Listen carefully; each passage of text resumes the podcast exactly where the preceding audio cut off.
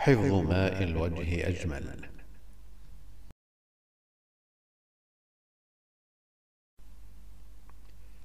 دخل رجل غريب على جلساء حكيم ثري. ولا يبدو على الرجل مظهر طلاب العلم. ولكنه بدا للوهلة الأولى. كأنه عزيز قوم ذل. فدخل وسلم وجلس حيث انتهى به المجلس. وأخذ يستمع للشيخ بأدب وإنصات. وفي يده قارورة فيها ماء. قطع الشيخ حديثه والتفت إلى الرجل وتفرس في وجهه ثم سأله. ألك حاجة نقضيها لك؟ أم لك سؤال فنجيبك؟ فقال الرجل لا هذا ولا ذاك. وإنما أنا تاجر سمعت عن علمك وخلقك ومروءتك. فجئت أبيعك هذه القارورة التي أقسمت ألا أبيعها إلا لمن يقدر قيمتها. وأنت دون ريب حقيق بها وجدير.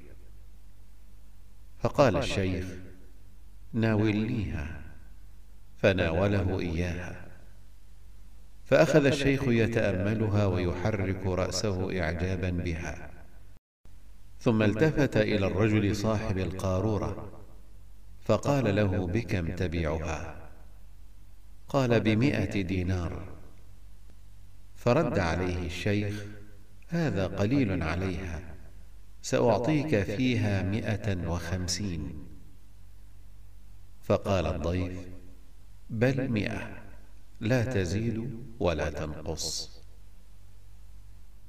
فقال الشيخ لابنه ادخل وأحضر مئة دينار. ولما استلم الضيف المبلغ مضى في حال سبيله.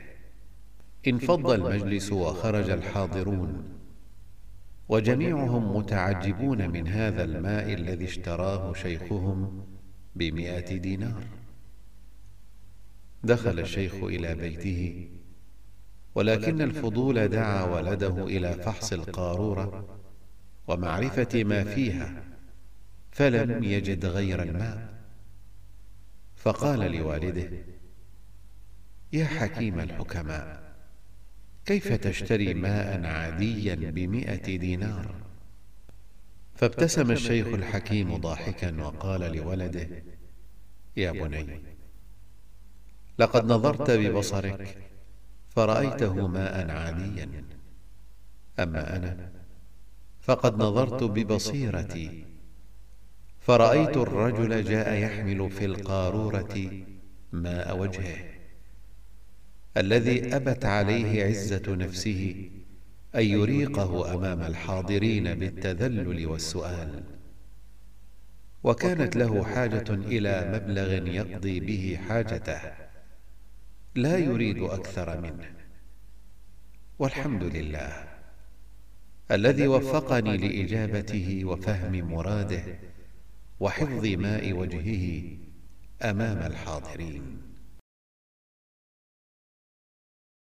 إن استطعت أن تفهم حاجة أخيك قبل أن يتكلم بها فافعل.